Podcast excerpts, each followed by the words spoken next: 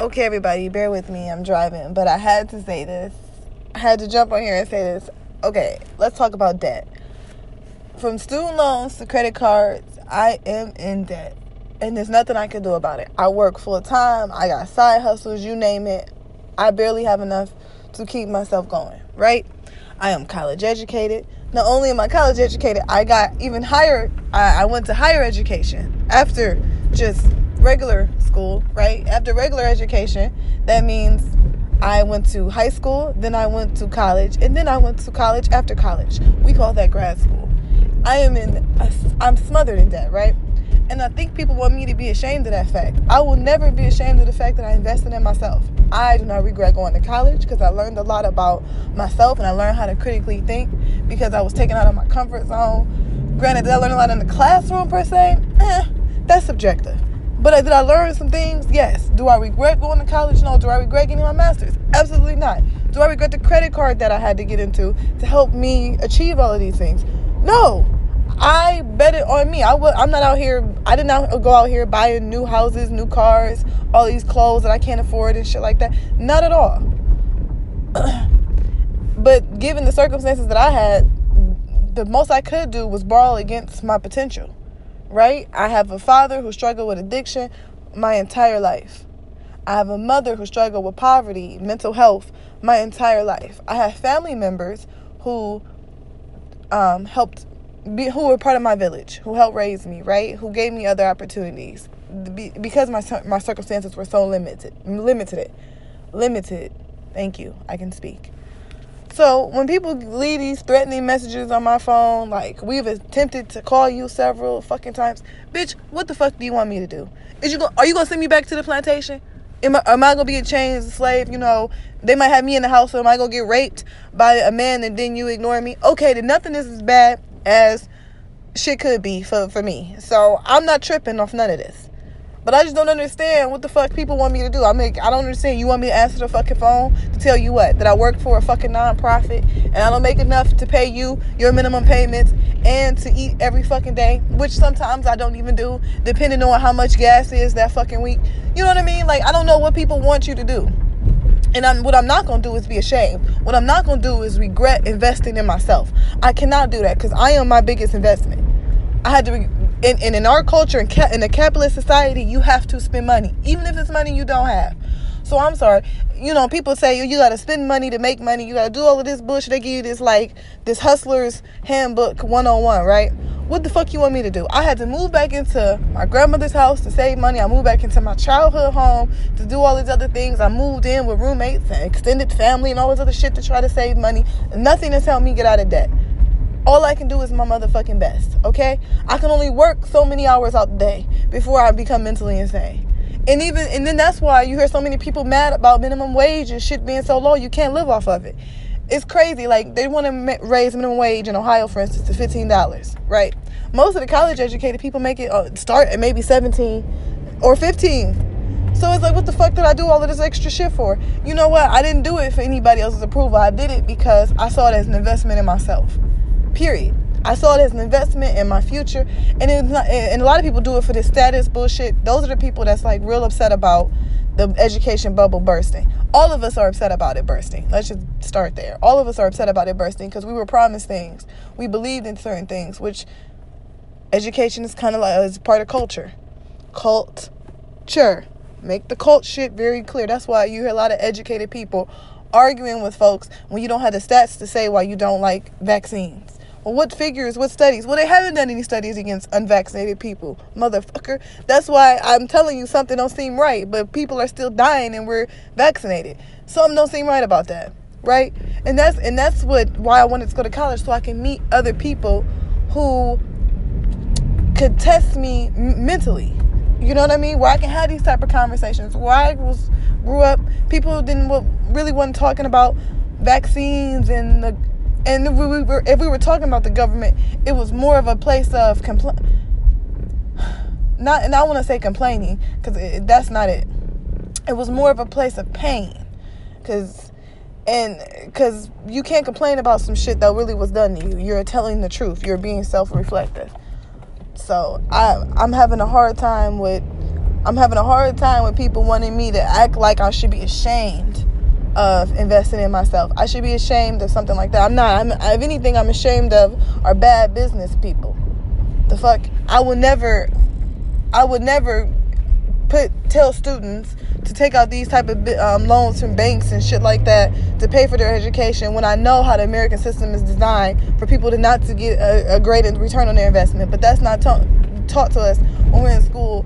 You know, if you if you don't go to college, people will assume you don't want to invest in yourself. It's the same way the same way as people who did go to college and make sacrifices to complete their education. But none of that. We don't get grades on none of that shit right? We don't get grades, on none of that shit. We don't get tax credits on none of that shit. We get tax credits on if we tie to churches or not, which is another cult to a lot of people. A lot of religious institutions are seen as cults to folks, right? Because they control your daily activities. They control even how you see yourself. I get to see myself however the fuck I want to. Yes, I am in debt. Yes, these motherfuckers want to keep calling me all of this other shit. You knew my major and shit when you loaned me the money you knew you knew my passion then. You everybody knows that there's not a lot of money in activism, which is why I think they encourage certain communities to be more activists than other communities, and then also in certain communities it's more necessary to say the problems that we have and to try to fight to change them. But where's the fucking money in that? It's no money in that. So to all you bill collectors, it's not that I want to be disrespectful and don't give a fuck about your attempts at reaching me. You're gonna hear the same shit you've been hearing, and that's crickets from my bank account. What the fuck you want me to? I think my account might be negative now.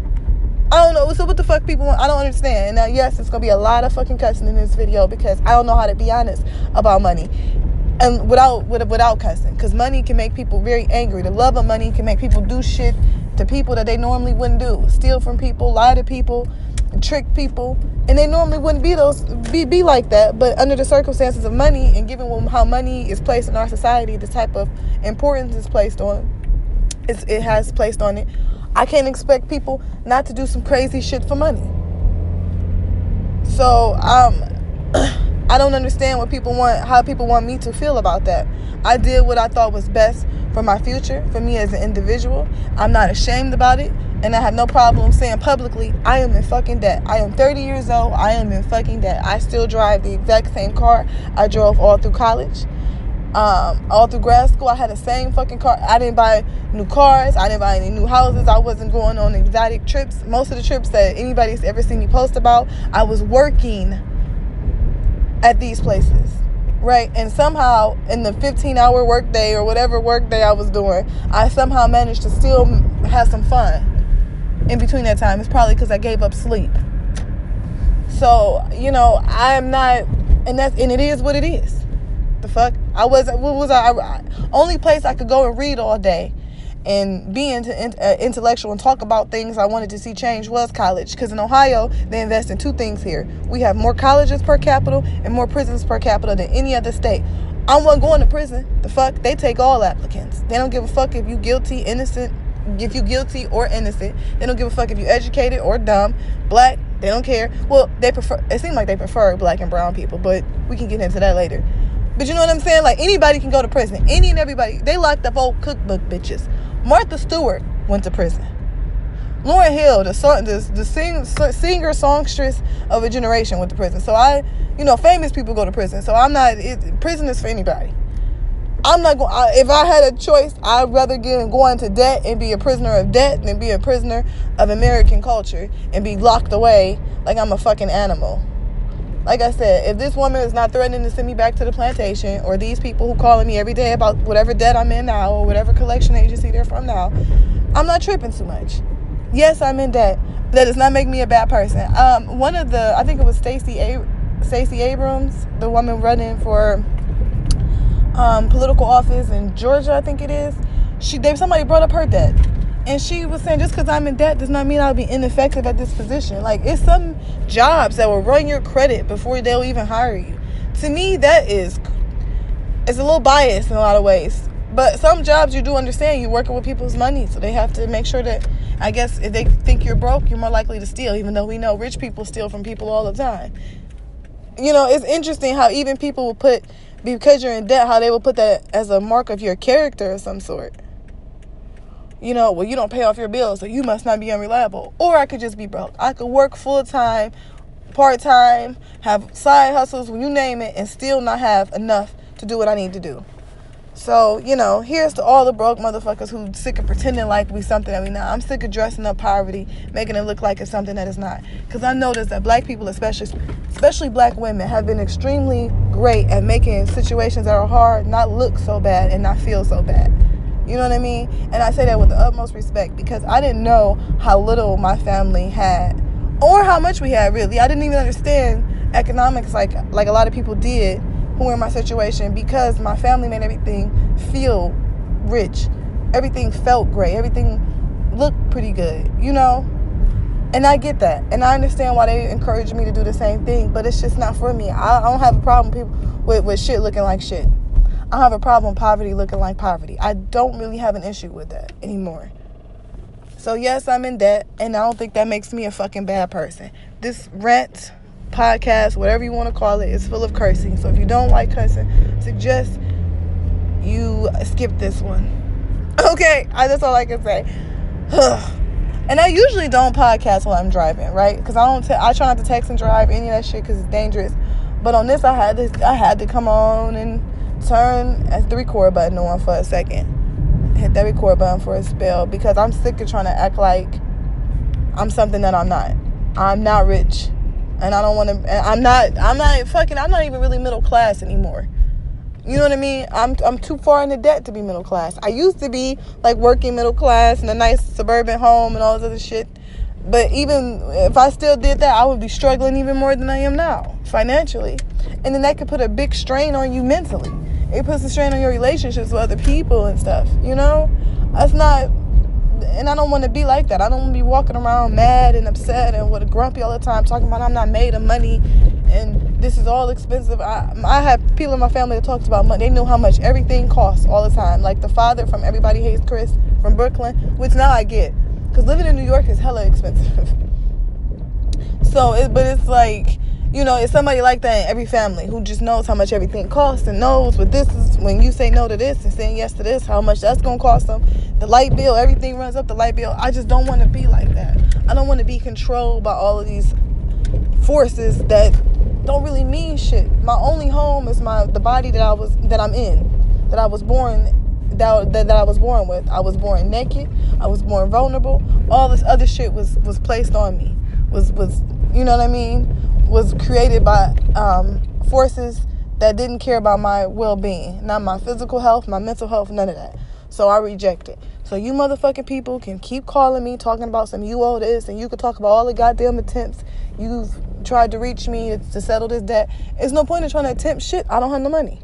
I don't have the extra money to pay you off. I got enough money to pay some rent and hopefully some bills. Most of them not on time, but you, I do the best I can. It's not like I'm a fucked up person that's just trying to run from responsibility. And I hate that they paint a lot of poor people like that. When I say they, I mean the media and people in our society, the people in power, almost paint people like Ronald Reagan. I think said people are poor because they choose to be. People are homeless. I'm sorry, people are homeless because they choose to be.